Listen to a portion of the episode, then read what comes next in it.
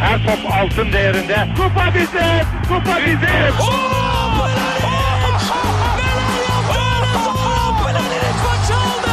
Dengeli de attı. İsabeti de buldu. Matta Fontervi. Zora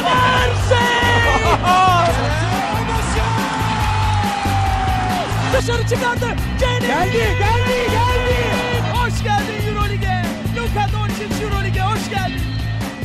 Bir başka Euroleague Podcast'ı ikili oyundan herkese merhaba. Ben Serkan Mutlu. Mikrofonun diğer ucunda her zaman olduğu gibi Ali Aktin ve Tancan Fümen var. Merhaba çocuklar. Merhaba. Merhaba. Bu hafta Euroleague'in 21. haftasını konuşacağız. Ee, Fenerbahçe'nin CSK'yı, Anadolu Efes'in deplasmanda Kızıl Yıldız'ı yendiği, Daçka ve Galatasaray'ın rakiplerine boyun eğdiği bir haftayı geçtik. Ee, sonrasında gündeme dair de laflarımız olacak. Tancan'ı özel olarak Daçka için hazırladık. Merakla bekleyebilirsiniz. Hazırsanız başlıyoruz.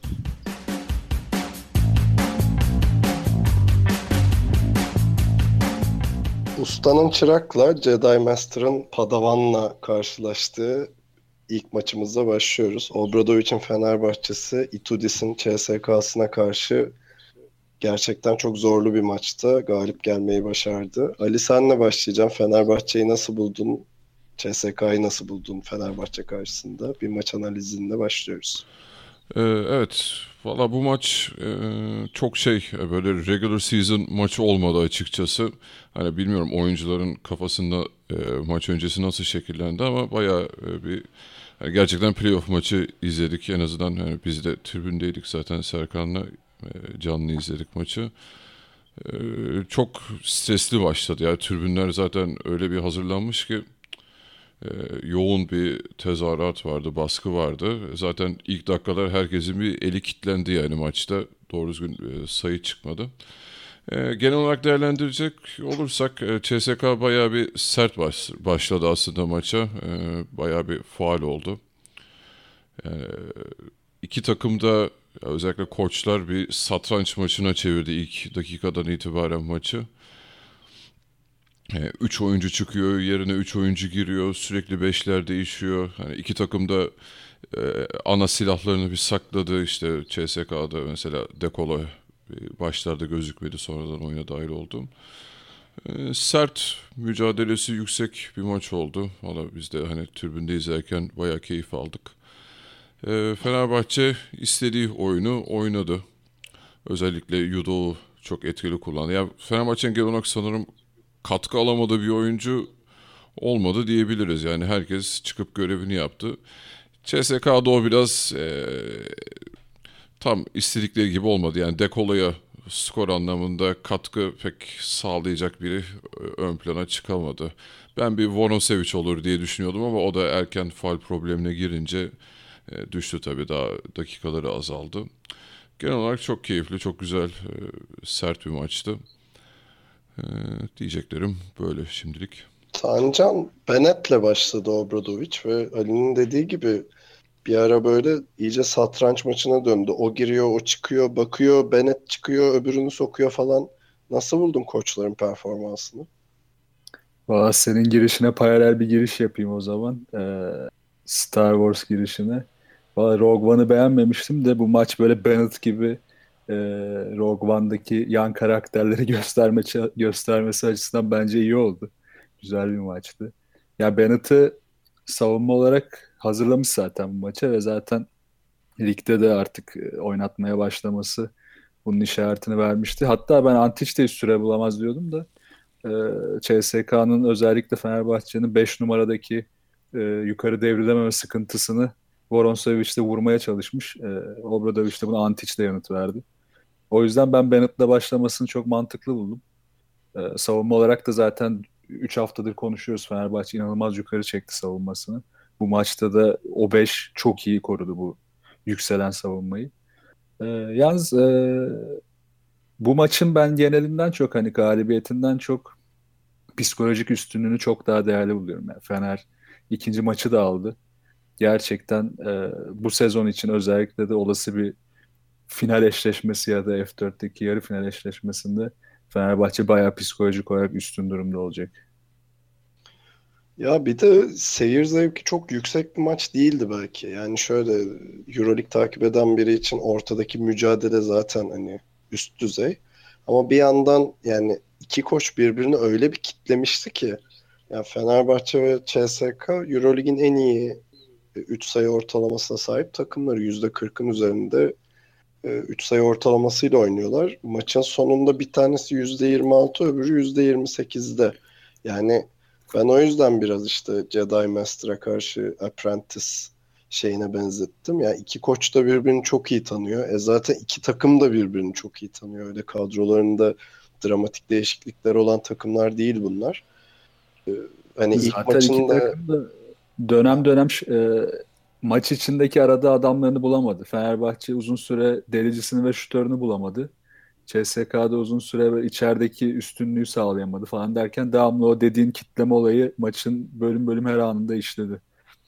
Evet o şey uzun süre zaten iki takım da üçlük bulamadı. Sonra sonra biraz daha açıldı maç. Fener Antic'le e, gerçekten önemli ekstra iki üçlük buldu ki Antic'in ben bu haftaki katkısını çok önemli buluyorum. Ciddi rebound çekti ve maçın sıkıştığı anlarda hiç şey yapmadı e, girip oyunu değiştirmekten. O yönden çok iyiydi Antic. E, tabii Ekpe için özel bir parantez açmak lazım herhalde. Yani inanılmaz oynadı ki Sokrates'teki e, bu, ay, bu ayki sayısındaki röportajında CSK maçını ne kadar önemsediğini söylemişti zaten değil mi Ali? Ya zaten ya gerçekten çok özel bir karakter bu herif ya. Yani artık heykelini mi dikeriz, ne yaparız tutmak için bilmiyorum ama ya gerçekten hep yani umarım yıllarca burada kalır. Ee, ya evet Yudo'nun kafasında bir şey var. Yani ben bu sene Teodosic pardon Teodosic diyorum. E, Dekolo'yu geçeceğim. Hani onu durduracağım. En değerli oyuncu ben olacağım bir şeyi var. iddiası var. Ve hani çok da uzak sayılmaz ya. Yani bu, bu sene çok bambaşka oynuyor Yudo. Peki Tancan Teodosic olsaydı durum değişir miydi? Teodosic olsaydı Ütüdis molalarını son iki dakika kala bitirmezdi. ya çünkü Itudis şeyde çok zorlandı ya. Oyunun böyle tıkandığı anlarda içeride böyle direktif verip oyunu yönlendirecek oyuncusunu da bulamadı. Dekola da pek oralı olmadı. Çok zorladı bence Itudis'i. Teodosic olsaydı e, maç biraz daha farklı gidebilirdi. Yani özellikle sonlara doğru son iki dakika içinde alınan kararlar çok daha farklı olabilirdi. Çünkü Fenerbahçe ikinci yarıda ilk yarıda bulamadığı dereceliği bulmaya başladı. Yani çembere gidemedi belki ama her aldığı topu hareketli bir şekilde drive ettiği için mutlaka savunma dengesini bozmaya başladı.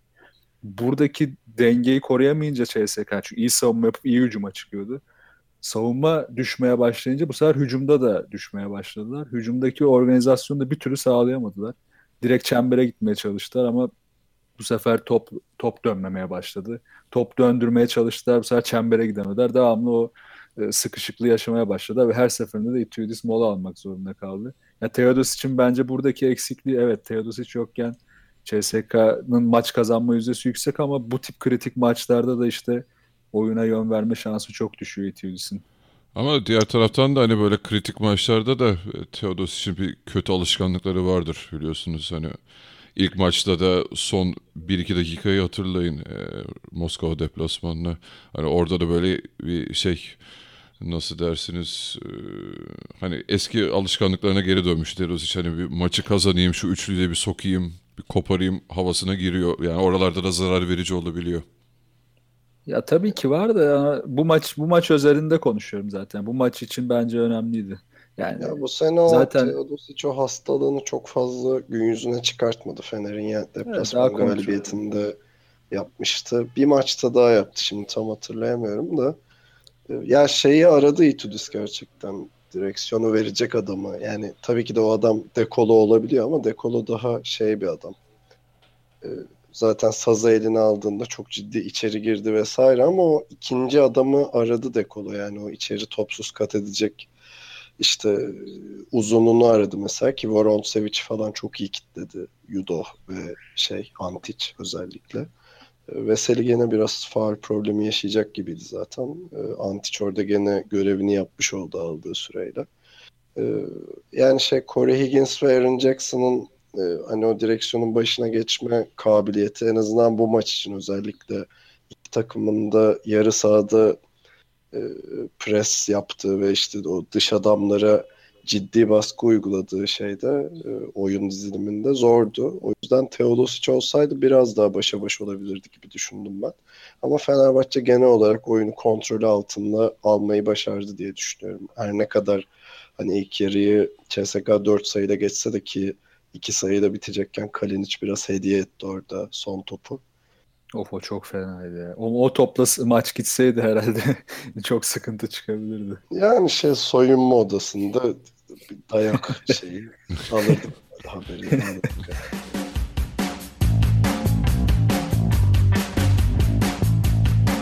Eurolig'in normal sezonunda şimdiye kadar oynanan en dramatik maçlardan biriydi sanırım. E, temsilcimiz Darüşşafaka Doğuş Milano deplasmanında 25 sayı ile öne geçtiği maçta havlu attı ve kaybetti.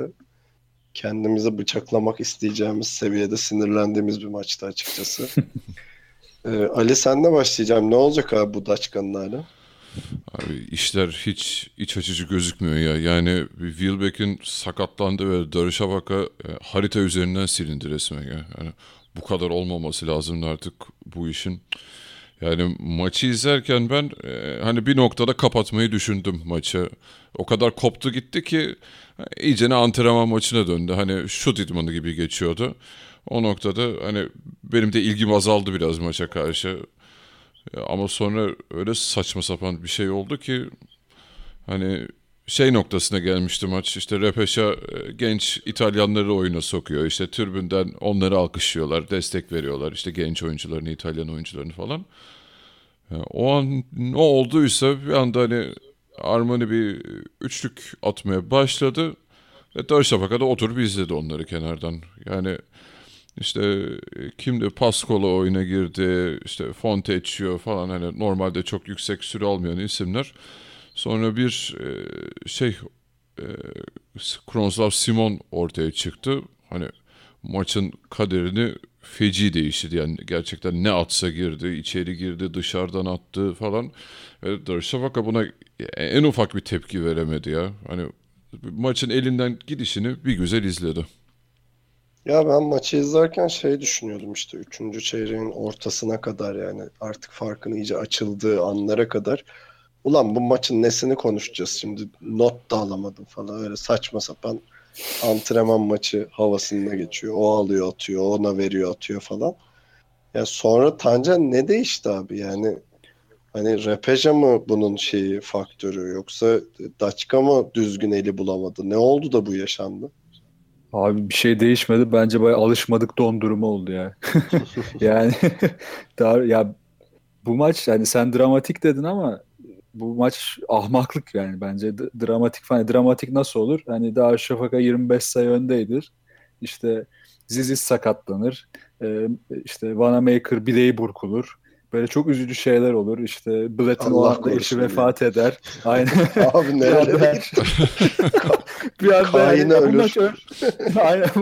ya bu maç öyle gider anladın mı? Yani bu dramatik falan değil. Bu, bu inanılmaz bir şey. Yani aklım almıyor.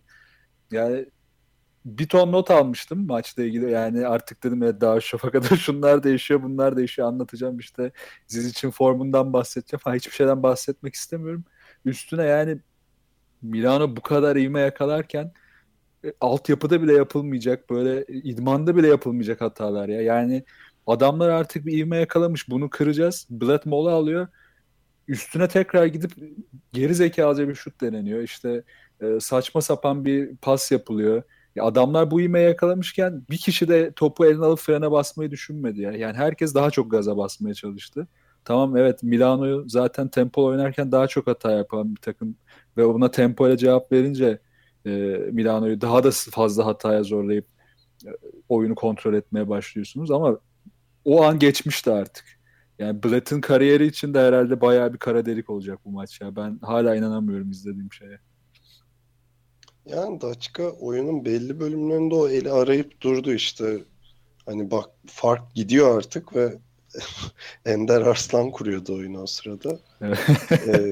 ee, yani, gülüyor olmamızın sebebi önceki hafta Sinirden gülüyoruz. Evet, geyiğini yapmış olmamız da. Yani orada çözümü bir türlü bulamadılar ki burada da ben biraz suçu artık James Anderson'da buluyorum yani. Yeter artık abi hangi maçta oynayacaksın yani?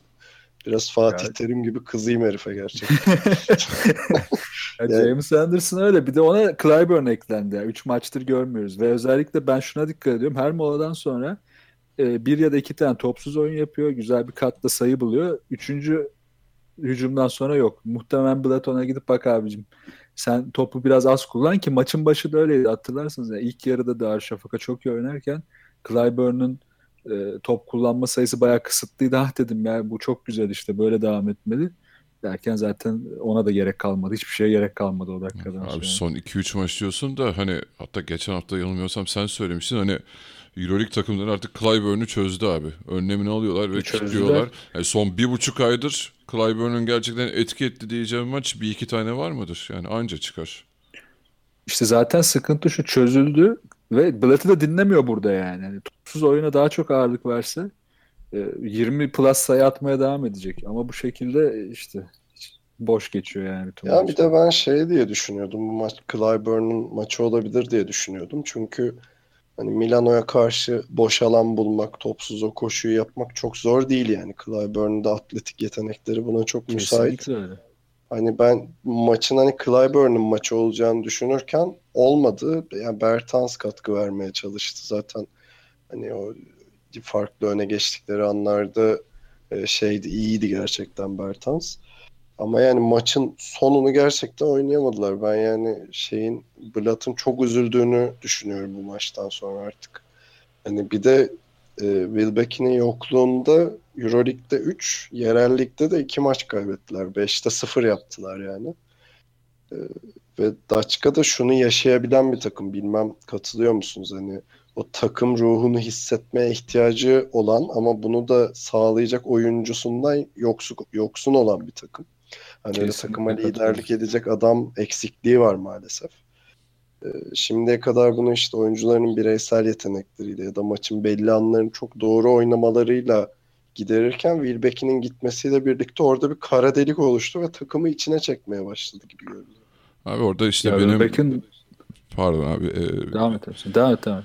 Ee, söylediğim işte geçen hafta Darüşşafaka'nın B planları gerçekten hiç işlemiyor. Yani bunu özellikle maç sonunda çok iyi gördük. Hani bir panik havası işte Ender pası atıyor onu tutup atamıyor.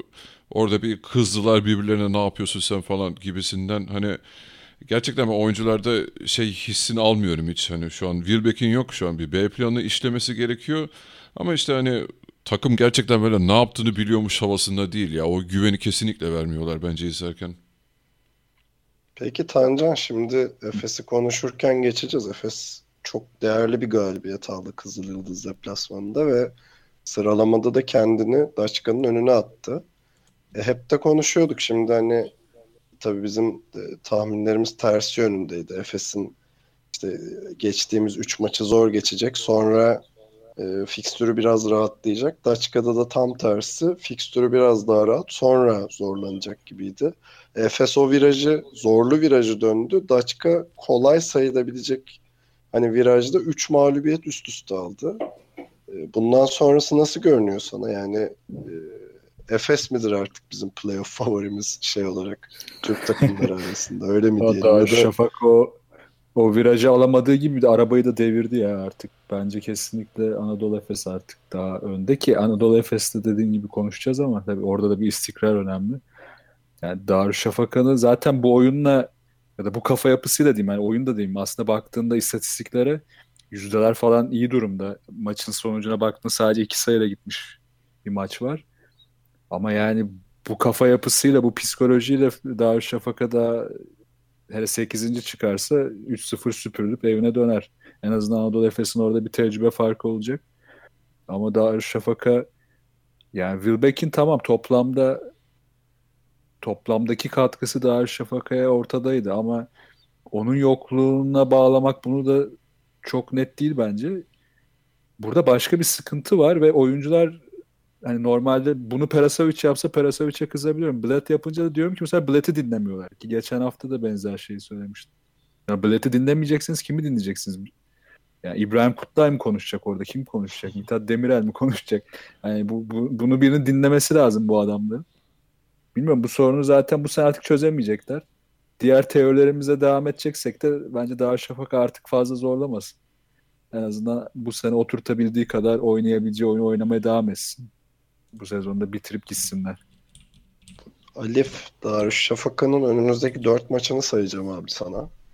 Fenerbahçe, deplasmanda Real Madrid, e, Panathinaikos ve Olympiakos deplasmanı. Yani önümüzdeki dört maçı ilk sekiz takımlarıyla olacak.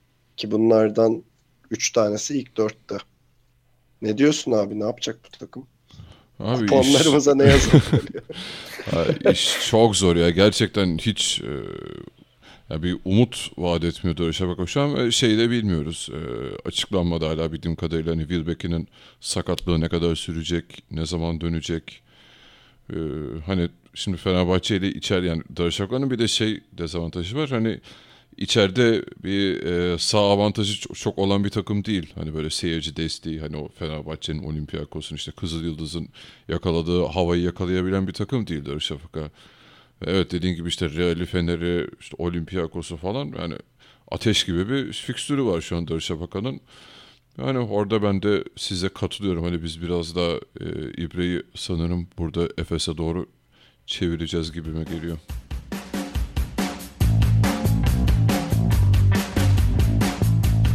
Temsilcimiz Galatasaray Abdi İpekçi'de çok iyi başladığı maçta maalesef Panathinaikos önünde mağlup olmaktan kurtulamadı. Ben niye böyle futbol şeyi gibi spikeri gibi sundum bunu bilmiyorum ama Ta- Tancan senle başlayacağım. Gerçekten Galatasaray böyle buz gibi soğuk suyun altına sokmuştu Panathinaikos'u. Çok da iyi başlamıştı. Ne oldu da bu maçı alamadı? Galatasaray harbiden aslında Galatasaray'ın rahatlamasıyla beraber Ergin Ataman da çok rahatladı yani. İki, son iki maçta çok övmüştük. Ben bu maçta da e, biraz azalsa da övmeye devam edeceğim kendisini. Bu rahatlık iyi geldi Galatasaray'a. Artık e, oynayacağımızı oynayalım, yapacağımızı yapalım. Biz keyfimize bakalım. Modu iyi yaradı Galatasaray'a. Ne oldu da gitti peki maç? Bu maçı alabilirdi Galatasaray. Çok ufak tefek hatalar e, ilk yarıda zorlasa da geneldeki kayıp sıkıntısı yine son maçın sonunda gelen klasik Galatasaray'ın yorgunluğu oldu. O yorgunluğu ve benim hep üstünde durduğum 1-2 rotasyonun darlığı ve Panathinaikos şeyi iyi analiz etmiş. Geçen hafta Fenerbahçe'nin yaptığı Fittipaldo'nun üzerindeki savunma baskısı özellikle tek başınayken ya da Sinan yerine Fittipaldo top getirirken e, çok zorlandı o noktalarda. Onu iyi analiz etmişler. Oradaki baskı da o bir numaranın oyunu görme, sağ görüşünü iyice daralttığı için Galatasaray sonlara doğru maçı getirse de ki üstüne bir de Panathinaikos bayağı yağ sürdü. Yani vermeye de çalıştı maçı ama yine de güç yetmedi. Sağ olsun La Monica abimiz de biraz maça etki etti. Ama genel olarak hani e, Galatasaray artık çok rahat. Kafası da rahat. Ergin Ataman'ın da kafası rahat. Ben bu saatten sonra birçok maçın böyle gideceğini hatta birçok maçının sonlara kalacağını iyi takımlara karşı bile CSK'ya bile olabilir bu. Ama sonlarda Galatasaray'ın ne yapacağını sürpriz olacağı maçlar bekliyorum. Ali sen ne diyorsun abi? Mike James'in özel bir performansı vardı bu maçta. Özellikle e, sonlara doğru alev aldı adam. Bayağı üçlük attı, içeri girdi vesaire. 18'de sayı atmış. E, Nasıl buldun Galatasaray'ı ve Panathinaikos'u? Abi Mike sırf yani Panathinaikos açısından sırf Mike James değil hani e, bayağı bir oyuncu bayağı ekstra katkı verdi. Yani James Felday'nin 5'te 5 hani maçı 6'da 5 bitirdi ama hani hani 5 üçlüğü çok ekstraydı ki hani hepsi de kolay toplar değildi açıkçası. Ya genel olarak Galatasaray hani yine zevk verdi. Hani Darüşşafaka'nın kaybı için biz biraz trajik dedik ama bence bu yani Darüşşafaka'yı izlerken o kayba yani ben içten içe küfür ettim de hani içimi acıtan asıl maç bu oldu. Çünkü hani Galatasaraylı oyuncular gerçekten böyle büyük bir özveriyle oynadı. Özellikle biliyorsunuz Tibor Plyce hani iki gün serum yiyip çıkmış maça. Hani bir zehirlenme yaşamış yanlış hatırlamıyorsam. Ee, yani adam maç sonunda hani rengi falan gitti. Yani böyle şey surat bembeyaz göz altları mo- mosmor oldu falan. Hani burnuna şey bant taktılar bilmem ne. Hani felaket bir haldeydi maç sonunda. Ya helal olsun dedim ben Galatasaray'a bu maçta. Hani yüreklerini ortaya koydular. Ee, o Tancan'ın dediği gibi hani son 2-3 haftadır gelen bir rahatlama var Galatasaray'a. Bu, bu çok şey belli oluyor oyunlarına. Galatasaray doğru oynadı ama işte şeye geleceğim. Hani Ergin Ataman geçmişteki hatalarının cezasını şimdi ödüyor bence. Hani işte e, rotasyon daraldı, işte üç tane adam gitti falan. E, şimdi onların yerine birini koyamayınca e, tabii buralarda sıkıntı yaşanıyor. Yani böyle altı kişiyle falan maç gitmez. Bir de e, Fittipaldo da hani bir noktada sudan çıkmış balığa döndü artık böyle elindeki topun ne yapacağını şaşırdı. O da ilginçti. Hani ilk maçı olsa eyvallah diyeceğim de hani bu kadar maç oynadıktan sonra artık o kadar da hata yapma yani. Yazık Mek- oldu. Ben şey, ben genel olarak Abdi İpekçi'de Galatasaray'ı izlemekten hoşlanıyorum artık. Gerçekten o kafa rahatlığının gelmesi takıma çok yaradı. Ve işte John Dibbler'ı, Blake Shelby böyle formunda görmek ya da Vladimir Mitsov'u hoşuma gidiyor. Ee, ama işte maçın sonlarına doğru artık o yorgunluk faktörü çok ön plana çıkıyor. Yani Tibor Plyce e, bu maçın ilk 3 çeyreğinde 25 dakika oynamıştı. Yani Thais sadece 4 dakika oynamışken oyuna girip ge- geri kalan süresini artık son çeyrekte aldı. Ki yani Plyce artık ölmek üzereydi adam yani. Çıkar hoca diye yalvaracaktı.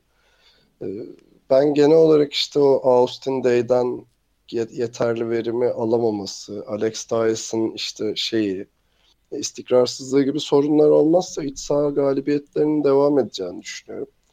Ee, Yani Galatasaray öyle şey yapacak, eleştirecek bir durum yok çok fazla, negatif durum yok. Bence Ergin Ataman da formunu yükseltiyor ama ya tek bir şeyden bahsedeceğim artık yapmaması gerektiğini düşündüğüm.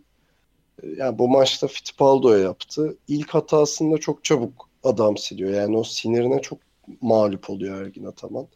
Yani bir pozisyon oldu bu maçta. Ee, Sanırım ya ilk çeyrek ya ikinci çeyrekteydi. Fittipaldo'yu bağırıp çağırıp oyundan aldı ve zaten Fittipaldo o da- dakikadan sonra hiçbir katkı vermedi zaten. Maçı sıfır sayı ile bitirmiş sağ olsun da. Hani Ergin Ataman'ın biraz daha oyuncularını kazanacağı şekilde davranması gerekiyor maç içinde diye düşünüyorum. Özellikle Dentman'ın işte gittikten sonraki açıklamasını da üzerine koyduğumda hani hiç yardımcı olmuyor. İlk hatada direkt bench'e yolluyor. Ben hiç böyle bir şey görmedim vesaire gibisinden. Biraz daha oyuncularını kazanmaya yani Euroleague maçlarındaki o ivmeyle de asıl hedefleri olan lige ağırlık vermeye yönlendirebilir takımını. Ama genel olarak izlemekten hoşlanıyorum Galatasaray'ı öyle diyeyim. O kafa rahatlığı çok iyi geldi takıma. Evet abi o noktada yani şeyde bir fark var ya. Yani Obradovic'in kızmasıyla Ergin Ataman kızması arasında bir fark var ya. Ergin Ataman trip attı resmen orada Fittipaldo. Yani hayır senin yapacağın işe dedi. Geç kenara otur.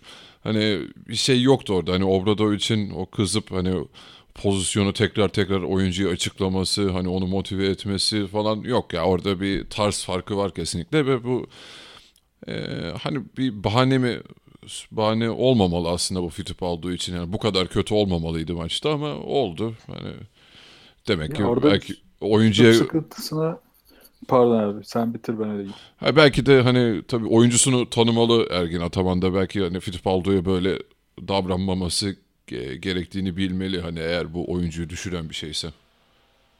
Ya o üslup sıkıntısına ben de katılıyorum. Yani bu zaten biraz da hani antrenörün tarzıyla da ilgili. Ama genelde antrenörler şuna katlanamıyor ki. Obradovic de böyle, Bülent de böyle. Yani topu yönlendirsin diye verdiğin adamın yaptığı tembellik yani özellikle de oyunun anlamsız bir anında topu tutup driblini kesip hiç pozisyonu olmayan forvete gereksiz bir pas yapması, oyunu tıkaması gibi tembel hareketler bir koçu delirtebiliyor. Ya bu delirmeye bu cevap mı verilmeli? Bence verilmeli. Çünkü zaten elin dar. Elin darken de biraz daha bazı şeyleri alttan almak ya da alttan almak doğru tabir olmadı ama e, biraz daha e, müsamaha göstermek daha mantıklı olabilir. E, Ergin Ataman bunu bir yapabiliyorsa beş yapamıyor hala. O biraz sıkıntılı.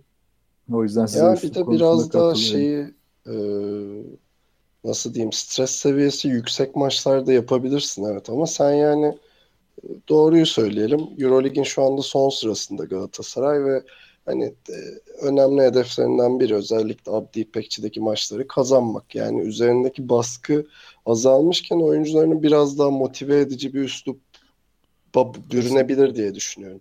Yani nedir ligde Abdi İpekçi'de Fenerbahçe'de, Efes'te, Daçka ile oynarken bu ateşliliği sürdürebilirsin ama yani takım o özveriyi gösteriyorken bence o çıkışları biraz düşürüyor takımı diye düşünüyorum. Bir de rakipler bu dediklerine katılıyorum. Bir de rakipler bunu artık analiz ediyor. Daha fazla bunların üstüne gidiyor. Mesela e, konuşmaya başlarken o yüzden onu söyledim. Fittipaldo'daki sıkıntının sadece hani uyum sorunu olduğunu da biliyorlar. Yeni bir oyuncu olduğunu da onun üzerine oynamak bu açıdan çok mantıklı. Bir de Panathinaikos şunu çözmüş durumda artık. O e, geçen haftaki Anadolu Efes maçındaki tam çözmüş değil mi de orada bir adım atmışlar. Anadolu Efes maçında Mark James ve Karates dengesizliğini özellikle Fittipaldo ve Sinan oyundayken onların üzerinde çok iyi kurguladılar. Ne zaman ki ön alanda savunma sertleşmeye başladı. Karates oyundaydı. Ee, onları rencide etti. İşte Fittipaldo'yu oyundan düşürdü. Ne zaman ki savunması biraz düşmeye başladı Galatasaray'ın bu sefer Mark James girip elini ateşe basıp şutları sokmaya başladı.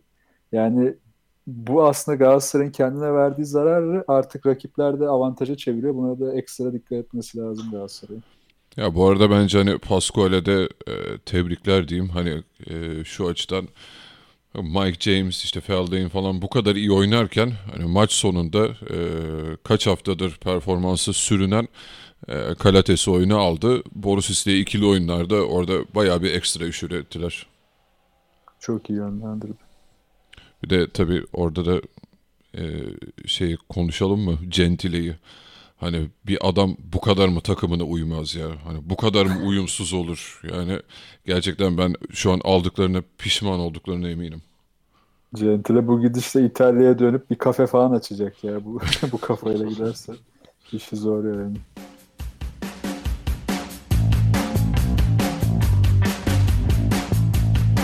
Anadolu Efes nihayet yüzümüzü güldürdü herhalde. Sezonun en iyi oyunlarından birini oynadığı maçta çok zorlu Kızıl Yıldız deplasmanından hani nispeten rahat bir galibiyetle dönmeyi başardı.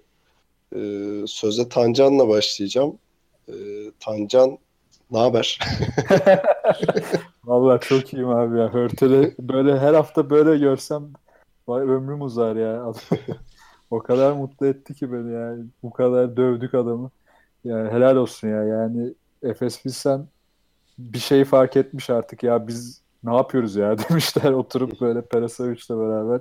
Ya biz ne yapıyoruzu fark ettikten sonra bu maç inşallah hani bugün öveceğiz ama tabii bunun devamının gelmesi lazım. O zaman değerli olacak. Aslında bunun üzerine ben özellikle ilk maçını da izledim. Ve bunun devam ettiğinin sinyalini orada aldım. Böyle çok kolay bir maç geçirmeselerdi o yorgunluğun üzerine özellikle Hörtel'in Tarasovic'den aldığı direktifleri sahada çok iyi uyguladığını görüyorum. TED Kolej maçını diyorsun değil mi? Aynen TED maçını söylüyorum. Ee, Hörtel ile şeyi anlaşmışlar demiştim. Yani artık e, top sende kalıyorsa oyna. Yani topu böyle çok sıkışan bir forvete ya da saçma sapan bir pasla içeri indirmeye çalışma ve Hörtel bunu oynayıp üzerine bir de asistlerini verimli yapmaya başladı bu maçta. Anadolu Efes'in maç için stratejisi o kadar doğruydu ki şimdi Kızıldız'da sete kaldığınızda inanılmaz bir baskı yapıyorlar. Devamlı sert savunma, devamlı üstünüzler. Burada inanılmaz sabırlı olmak lazım. E, Granger ve Hurtay çok sabırlı oldular. Bunu ekstra takdir ediyorum. Gerçekten hiç düşmediler oyundan. Aman şimdi ne yapacağız olmadı. Topu çaldırsa bile Anadolu Efes geriye çok iyi geldi. Bu sefer savunmayı sert yapmaya başladı. Onlara e, hızlı hücumlarda trailerlarla ya da diğer e, forvete paslarda çok pozisyon vermediler. E, bunları da çok yaptılar. Hadi verdiler sayı yediler. Bunun üzerine yine oyundan düşmeyip bu sefer topu alır almaz çok hızlı hücuma çıktılar. Örtel burada da çok iyiydi. Yani gelip de saçma sapan erken hücumda üçlükler denemedi. Özellikle trailer'ı ve içeriye kat eden forvetleri çok iyi bekledi. Yani Neyse ben biraz keseyim yoksa övmeye doyamayacağım. Siz devam edin. Gerçekten çok iyiydi bu maç ya. Çok, çok Ali şimdi sana döneyim abi. Ee, Kızıl Yıldız 7 galibiyet üst üste almıştı ki yendiği takımlar Real, CSK, Fenerbahçe, Baskonya, Panathinaikos hani böyle şey Eurolig'in ilk 8'indeki takımlardan bahsediyoruz. Ee, Efes neyi doğru yaptı da galip geldi. Hani Örtel dışında tabii ki de bir de Derek Brown faktöründen bahsedeceğim diye düşünüyorum. E tabii evet ben de onu övmek için bekliyordum burada. Hani Derek Brown gerçekten e, son haftalarda biraz düştü diyorduk. Hani bir döndü tam döndü adam yani şey çok iyi maç çıkardı. E, genel olarak yani e, hani ben de Tanca'nın övgüsünü devam ettireyim. Hani maçı izlerken rahattım. Ya gerçekten Kızıl Yıldız deplasmanı işte ateşli seyirci falan hani böyle her an bir geri dönüş sinyali verebilecek bir takım var karşıda. Ama yani e, Efes hani doğru oyunu buldu ve bırakmadı maç boyunca ve bu da çok iyiydi. Hani e, ekstra elementleri de çok iyi kullandılar. İşte Deşan Thomas'a çok iyi toplar çıkarlar. O da çok iyi oynadı. Ee, ya genel olarak gerçekten e, hani şunu keşke daha iyi yapsaydı diyecek bir şey çok bulamadım Efes. Hani bizim sezon Alex başından... Alex Kirk bile çok iyiydi ya. ha yani işte evet ondan bile ekstra katkı aldılar. Bir hani belki Brandon Paul e, çok efektif olamadı biraz bir iki şut zorladı ama hani genel olarak iyi bir tablo ortaya çıktığı için hani o bile çok şey gözümüze çarpmadı. Ee, ben biraz şeyden bakayım e, olaya hani Kızıl Yıldız tarafından bakarsak e, çok e, yani en önemli 3 oyuncusundan e, ikisi bugün pardon o gün e, sahada vardı ama katkı alamadı. E, Jovic ve Kuzmiç'ten bahsediyorum. Hani bunların hafta içinde bir sakatlığı oldu. Zannediyorsam lig maçında da oynayamadılar hani kendi yerel liglerinde. Hani bu sene Kızıl Yıldız'ın böyle Kızıl Yıldız'a böyle en çok ekstra iki katkı veren oyuncusu. Tabii Simonovic yine bence iyi bir maç oynadı. Gerçi üçlüklerde çok e, isabet bulamasa da. İşte Jovic ve Kuzmic'i Radonjic sanırım e, hani çok riske etmek istemedi. Bana biraz şey bu maçı e, gözden çıkardı gibime geldi. Hani üçüncü çeyrekte bir e, Charles Jenkins'le bir geri dönüş gazı oldu ama e, yani şey Jovic'le Kuzmic oyun sonunda hiç göremedik. Sanırım onları çok da zorlamak istemedi. E, Efes de zaten hiç öyle geri adım atan bir görüntü vermeyince e, maçı almayı bildi. Ya ben genel bir çıkarımımdan bahsedeceğim. Sonra görevim gereği spekülatif bir iddia ortaya atacağım tekrar. E, ya öncelikle Anadolu Efes o kadar çok konuştuk ki burada hani takımın potansiyelinden ve potansiyeli ortaya koyamamasından. Hani Anadolu Efes'in yapması gereken ve potansiyel olarak da iyi yapması gereken iş takım savunmasını sert yapıp gelen top kayıplarını hızlı çıkararak değerlendirmek. Zaten hani Perasovic'in e, şeyin sezonun başındaki hedeflerinden biri de buydu. Ta hazırlık maçlarından bunu görüyorduk. Ama Anadolu Efes e, şunu yanlış yapıyordu aslında. Hani hızlı çıkmayı sadece böyle deli gibi koşup bok gibi hücum tercihi yapmak olarak uyguladı bir sürü maçta. Ki yani bunda örter başı çeken faktörlerden biriydi. Ama bu sefer o kadar iyi hani e, takım halinde hücum ettiler ki yani insanı mest eden hücumlar var işte Twitter'da bayağı insan paylaşıyor. Böyle 7-8 kere oyuncuların eline değip bomboş üçlü yarattıkları toplar vesaire. Hani bu sene gö- gö- e, görmeyi özlediğimiz hareketlerdi bunlar. E, o açıdan hani bütün takım gerçekten özverili ve iyi oynadı. Bunu söyleyebilirim. E, ama şimdi spekülatif iddiamı ortaya atıyorum Tancan.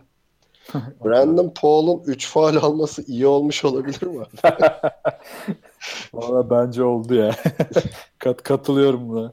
Yani, yani çok erken faal problemi yaşadı. O yüzden kullanamadı ve kullanamaması da iyi oldu gibi geliyor bana. Bence de iyi oldu. Şu açıdan iyi oldu. O çembere girdiğinde yani o Hörtel'in yarattığı ahenk çemberine girdiğinde bozabilirdi.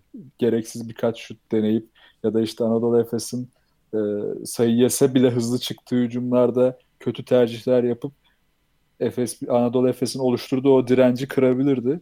O açıdan bence iyi oldu ya bu spekülatif görüşe destek Hörtel değil daha çok Deşan Thomas'ı soğutabilirdi gibime geliyor Brandon Paul. Elinde daha çok top kalsaydı. Zaten hep onu soğutuyor. Kaç maçtır Deşan Thomas evet. çok düşüktü yani. Brandon Paul'un 10 dakikanın altında süre aldığı maçta Deşan Thomas 17 sayıyla bitirdi. Derek Brown 20 sayıyla bitirdi. Yani bu bence Efes'in takım oyununa dair bir işaret veriyor yani bu istatistikler. Evet yani Zaten... şey Brandon Paul'un yokluğu Deşan Thomas'ı e, ortaya çıkardı. Kuzmic'in yokluğu da biraz Derek Brown'u ortaya çıkardı. Zaten Deşan Thomas o saçma sapan tepede top alıp zorlamalarını da bıraktı. Yani zaten dediğim ahenk oydu. Oraya mesela Deşan Thomas'a top gidecekken Brandon Paul olsa o top ona gitmeyecek ve yine belki tepede ya da dipte alıp savunması üzerine gelip saçma sapan içeri yüklenmeye çalışacaktı. O temiz şutları hep doğru yerlerde buldurdu. Örtel diyeyim, yine örtel diyeyim. Ya bence bundan sonra şöyle bir taktik belirleyebilir Anadolu Efes. Hani abi bak bizim şeyimiz bu, oyun planımız bu. Yani bu Kızıl Yıldız maçında e, ortaya koyduğumuz oyun. Bizim ana oyun planımız budur. Brandon Paul sen girersin abi biz sana boş atış yakalatırız. O üçlüklerden birkaç tane sokar. Hani görevini yaparsın. Hani Brandon Paul'un görevini buna indirgemek belki de aldığı süreyi de biraz indirmek sonuçta yani sen devre arasında gelmiş adamsın hani illa bu takımın hemen lideri olacaksın diye bir şey yok. Bence bu isabetli bir şey olabilir Anadolu Efes için. Galiba olacak ya ve belli bir şeyler konuşulmuş ve konuşulmakla da kalmamış uygulanıyor. Aynen hani biraz da Cedi Osman'dan e, daha fazla katkı almak üzerine ki 20 dakikayı geçirdi e, bu maçta Cedi Osman. Öyle bir oyun kurgusu olursa e, ki Maxim Mutaf da dahil herkes süre aldı yani.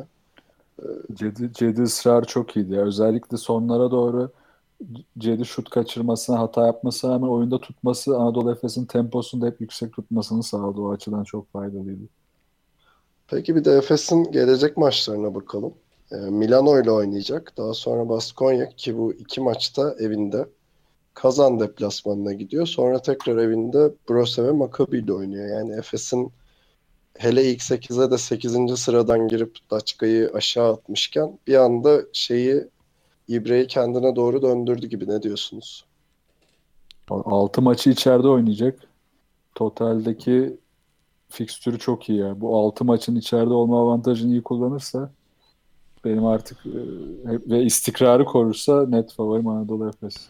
Hani fikstür sonları zorlaşacak ama şu bahsettiğin gibi hani ilk maçlar yani önündeki bu 6 maç e, gerçekten hani bu Kızıl Yıldız maçında yakaladığı momentumu devam ettirmesi açısından çok çok iyi bir fırsat. Hani umarız e, Darüşşafaka gibi bunu öyle sağa sola saçmazlar ve oyuna tutulurlar. Bu arada iki hafta önce sözlerimizi bitirirken Efes'le alakalı bu takım playoff falan da yapamaz falan diye böyle bir konuşmuştuk. Kendilerinden de özür diliyorum. ben de.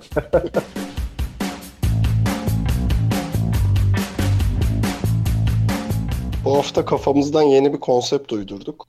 En iyi beşi ve koçu seçeceğiz. Ama bunu yaparken birbirimize girmemek için e, her hafta üçümüzden biri iki guard seçecek, iki e, biri iki tane forvet seçecek, biri de uzun ve koç seçecek. Böylece tartışmalara mahal vermemeyi umuyoruz.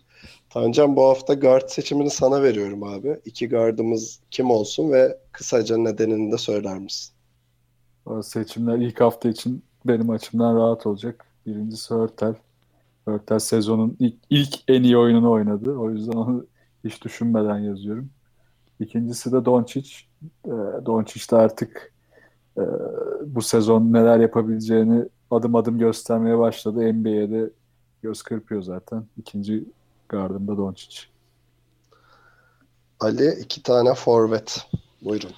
Evet benim daha Tancan'a göre daha fazla adayım vardı ama benim de forvet adaylarımdan ilki Kronsav Simon Emperio Almany'den hani e, gerçekten Darüşşafaka maçındaki dönüşün baş aktörlerindendi.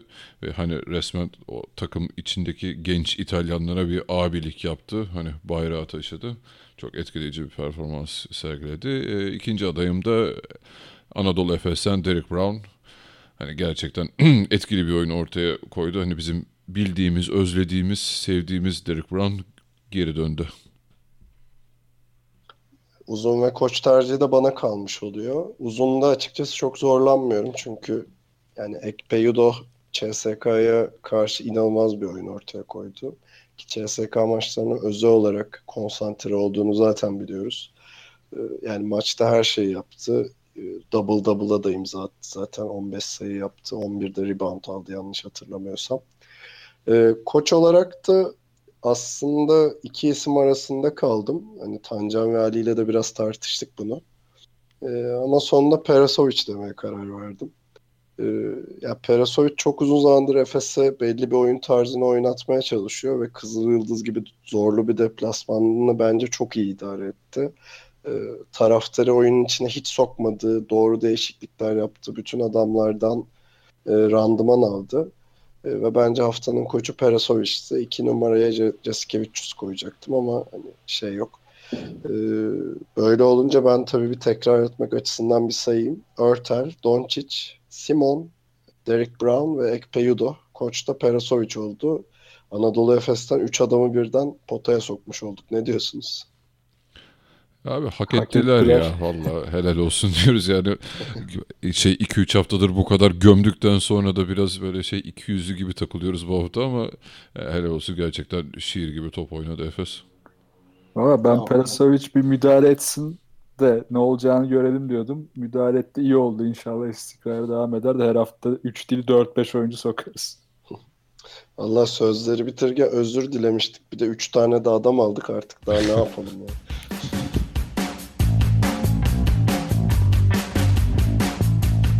Doncic'i haftanın 5'ine seçmişken bir de kendisine özel bir bölüm ayıralım dedik. Ee, Real Madrid'in 17 yaşındaki Sloven gardı formunun üzerine de koyarak e, ilerlemeye devam ediyor. Tancan nasıl buluyorsun bu çocuğu? Kumaşı iyi. Kumaşı iyi.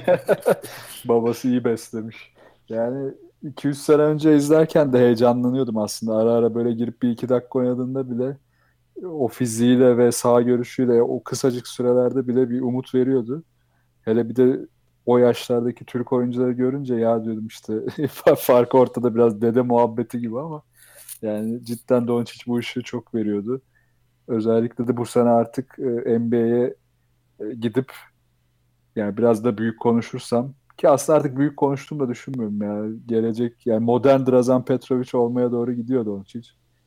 Ee, özellikle Vay. de o şutundaki istikrar buna yönlendiriyor beni. Yani şu anda %43'te üçlük atıyor ve bu üçlükleri derken çok akıllı, kaldırıp atarken de fazla özgüvenli. Yani NBA'de bile ilk sezonuna gelen iyi bir çaylak yani Curry gibi ya da işte Durant gibi ki onların da geldiği yılları hatırlıyorum az çok. Bu kadar güvenli şut attıklarını hatırlamıyorum. Ee, o açıdan Doncic bu ivmesini devam ettirir ve herhangi bir sakatlık yaşamazsa güzel bir Drazan Petrovic'in modern uygulamasını izleyeceğiz. Bu arkadan bacak hareketine ne diyorsunuz bu arada? Acayip. Onu ben arada açıp izliyorum. Bir ter basıyor orada beni. Yanılmıyorsam henüz draft edilmedi. Hani NBA ne zaman yapar sizce ya da yapar mı? Yani kesin yapar da ne zaman yapar diyelim. Ya bir iki sene içerisinde hatta seneye de girebilir. Çok bakmadım şu an listede var mı ya da nasıl bir düzen. Ya bir iki sene içerisinde seçilip maksimum 3-4 sene içerisinde gideceğini düşünüyorum. Ya bence de hani draftını yapar ama hani bir süre daha burada kalabilir biraz daha pişmesi için. Ha, yani 18-19 ee, yaşında da giderse bence kimse de çıkıp hani niye gitti, of çok erken gitti falan demez bence. Yani öyle bir özgüvenle oynuyor ki çocuk daha 17 yaşında ya gerçekten böyle Wonderkid e, lakabının hakkını sonuna kadar veriyor şu an bence. Ya Bu arada an... o bacak hareketinden bahsettik. Ba- bacak hareketini yaptığı maç Baskonya maçı yani öyle şey 30 sayı önde oldukları hani dalga geçtikleri maç da değil yani adamda özgüven patlaması var yani hakkını da veriyor. Yani o, o özgü o bu kadar iyi oynasam ben de öyle özgüvenli olurdum herhalde. Ve saçma bir anda da yapmıyor. Yani böyle sayıya gidecek doğru bir anda yapıp sayıya da gidiyor yani. Hani e, bunu yapma özgüveni dışında hani biraz da e, ister. yani rebound ortalaması asiste bakıyorum bir yandan da şu anda. Şey NBA istatistiği veriyor zaten. 8.9 sayı, 4.1 rebound, 3.7 asist gerçekten NBA istatistiğini gitmeden alabiliyoruz Doncic'ten. Ya bir de bu sene Madrid için hani e, Sergio Rodriguez NBA yapmışken hani takım o noktada e, gerçekten bir yıldızını kaybetti diyorduk. Hani bir yıldız gitti. Yenisi doğdu yerine resmen. Bence daha iyisi de doğdu yani Sergio Rodriguez'in son dönemdeki şeyi performansından sonra ben Doncic'in verdiği katkı çok özel yani. Peki bir de bir şey soracağım abi. Şimdi Doncic'in yaşına bakıyorsun. 17 işte 18 olacak bu sene. Ee, Ya buradan şeye gelmek istiyorum. Bu Türk oyuncularda hani özellikle erken yaşta bu aynı ışığı veren Türk oyuncularda neden bir anne sorunu oluyor abi hep? hani altyapılarda basketbol oynamış iki kişi olarak size soruyorum bunu. Yani Doncic'in annesi niye arıza çıkarmıyor mesela? Ya ben bunun tamamen kültürel olduğuna inanıyorum ya. Yani Slovenya gibi ya da Sırbistan gibi ya da daha kuzey ülkelerden da Almanya'dan hani örneklere bakarak gidiyorum biraz da işte. Genç oyuncuların daha soğuk kültürlerden, hani soğuk kültürden kastım daha aile bağlarından daha kolay çıkıp kendi ayaklarının üzerinde durabilecek hani çok fazla böyle ülkesine bağlı çok sıcak bağlar kurup aman kebap yemeliyim aman işte 17 yaşında Amerika'ya gidersem annemi çok özlerim ki bunu her açıklamada artık 30 yıldır duyuyoruz yani futbolcusundan basketbolcusuna, tenisçisine kadar. O yüzden hani bu kültürden bir türlü çıkamıyoruz. Bu kültürden çıkamadıkça da çalışma ve doğru adamla çalışmayı kaybediyoruz. Yani Türkiye'deki potansiyeli çıkartabilecek koçlar zaten yok. E bu adamlar nerede? Amerika'da. Bu adamlar nerede? Avrupa'nın bazı noktalarında. E o zaman da işte ya şansına iyi bir noktaya gelirse çıkıyor ki bunu Mehmet Okur'da da gördük. Hidayet'te de gördük. İkisi de e, Amerika'ya gittiğinde e, Mehmet Okur blok yapmayı Amerika'da öğrendi. Yani bir oyuncu o pozisyonda oynayan oyuncu blok yapmayı 22 yaşında öğrenir mi? Yani bunları Doncic'e baktığımızda bunların zaten 17 yaşında oturmuş artık üstüne çalışarak geliştirilmesi gerektiğini düşünüyorum. Bunu da yapabilen oyuncu yürüyor. E, senin dediğin gibi biz de burada annemizin evinde kalınca maalesef bu iş olmuyor. Abi sen anne örneğini verince aklıma şey geldi ya bu hani bir iki sene evvel geçen sene de olabilir bizim Türk futbol milli takımına e, böyle bir sürpriz yapmışlardı. Hepsinin annesi yemek yapıp kampa yollamıştı da böyle video falan çekmişlerdi. Hepsi böyle salyo sümük moduna da ne kadar saçma sapan çok iğrençti gerçekten ya. Yani. Hayır, mesela ben bunu şu yüzden söylüyorum abi. Ya, yanlış hatırlıyorsam düzelttin. E, Okbe'nin Efes'ten ayrılmasındaki etkenlerden biri annesiydi. Benim oğlum niye süre almıyor falan diye arıza çıkartan bir annesi vardı. Yani yanlış hatırlamıyorsam böyleydi. Yani bir sürü oyuncunun böyle annesi, babası bir sürü bir şeyi müdahil olabiliyor böyle ya şeylere. Fenerbahçe'de Berk Uğurlu biliyorsun. Annesi gelip milli evet. takım otobüsünden indirdi. Aynen. Ya buna işte dediğim gibi ya bence tamamen kültürle oyuncunun kafasını da çok geç geliştiği için ve ona bir yön verecek bir koça sahip olmadığı için genelde koçlar genelde anneden de papara yer. Yani koçluk bir dönem benim de yaptığım bir iş olduğu için de biliyorum. Yani veliler o kadar gereksiz şeylerle uğraşıyorlar ki sanki ilkokulun ilk günü sınıfına getirmiş ve beslenme saatinde yanına oturup işte çocuğunun yemeğini yedirecekmiş gibi düşünüyorlar hala. Ve asla profesyonel olamıyorlar bu yüzden. Bilmiyorum nasıl aşılacak. Genel bir kültürel sorun nasıl aşarsınız? Bu herhalde otursak bunun için ayrı bir podcast yapmamız gerekir. Ama bir de şu da var hani bu İspanya'da falan çok oturmuş bir durum ya. Hani futbolunu geçtim hani basketbolda da hani Eurolig'in e, Avrupa'nın tozunu attırmış işte NBA'ye yıldızlar yetiştirmiş yani çok köklü kulüpleri olan e, bir ülke. E, biz de hani işin başında sayılırız da tamam hani zamanında yani Efes falan bu işin bayrağını taşıdı da hani şu geldiğimiz bu noktada baktığımız zaman hala çok başında sayılırız yani hani o Yunanistan'ın, İtalya'nın, İspanya'nın kaydettiği yolları gördükten sonra hani bizim için daha e, bayağı bir birkaç fırın ekmek yememiz lazım.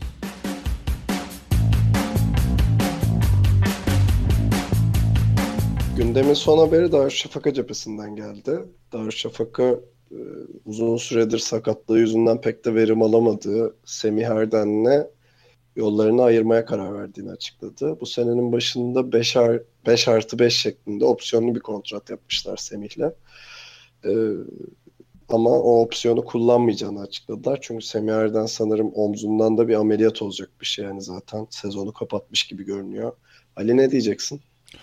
Evet Semih eski Darüşşafaka'dan altyapı arkadaşım. Gerçi aramızda bir yaş fark var ama e, beraber oynamışlığımız vardı. Ee, ya Semih'i genel olarak bir değerlendirirsek e, hani iyi bir performans sergilemiyor gerçekten. Hani bunu sırf sakatlık bazında söylemiyorum. Hani ondan önceki e, durumunda göze alırsak. E, Semih'in biliyorsunuz bir NBA macerası olmuştu. Bir Boston'a gitmişti.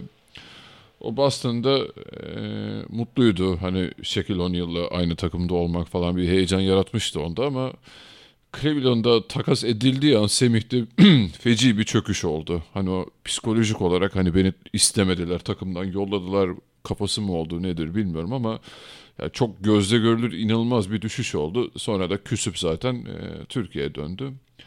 E, Türkiye dönünce de çok şey e, bir türlü istediğimiz seviyeleri yakalayamadı. İşte Beşiktaş'ta tutunamadı, Efes'te çok istenilen süreleri bulamadı, hep kenarda oturdu falan. İşte Fenerbahçe'de biraz kıpırdandı derken hani geçen sene Darüşşafaka'da fena maçları yoktu aslında. Ben e, bir umutluydum Semih adına hani özellikle de bu sene Brett'le bir şeyler olur mu diyorduk ama e, çok uzun bir sakatlığı oldu. Sezon başında zaten e, ilk bir, bir buçuk ayı kaçırdı yanlış hatırlamıyorsam. Ee, eğer şimdi de hani bu durumda Darüşşafaka o opsiyonu kullanmadan sözleşmeyi sonlandırdıysa bir de ameliyat haberi çıktı. E demek ki tam olarak iyileşmemiş Semih.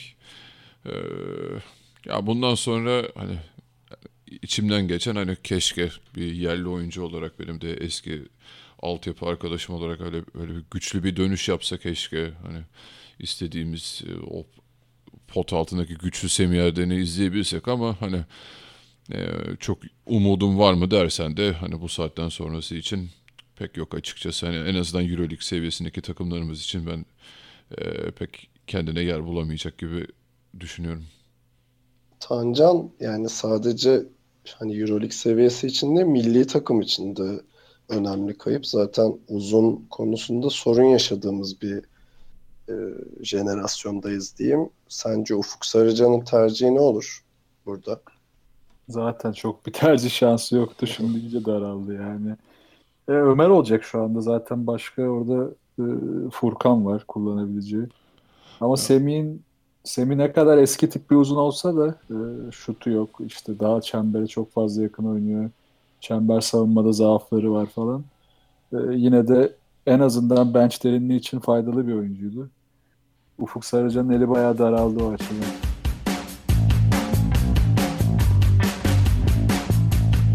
Bizi dinlediğiniz için teşekkür ederiz. Bizi her zaman olduğu gibi ikilioyun.com adresinden ya da ikilioyun Twitter hesabından takip edebilirsiniz. Her zaman olduğu gibi bizden haberi olmayan bir arkadaşınıza haber verirseniz seviniriz. Haftaya görüşmek üzere. Hoşçakalın. Hoşçakalın. Hoşçakalın.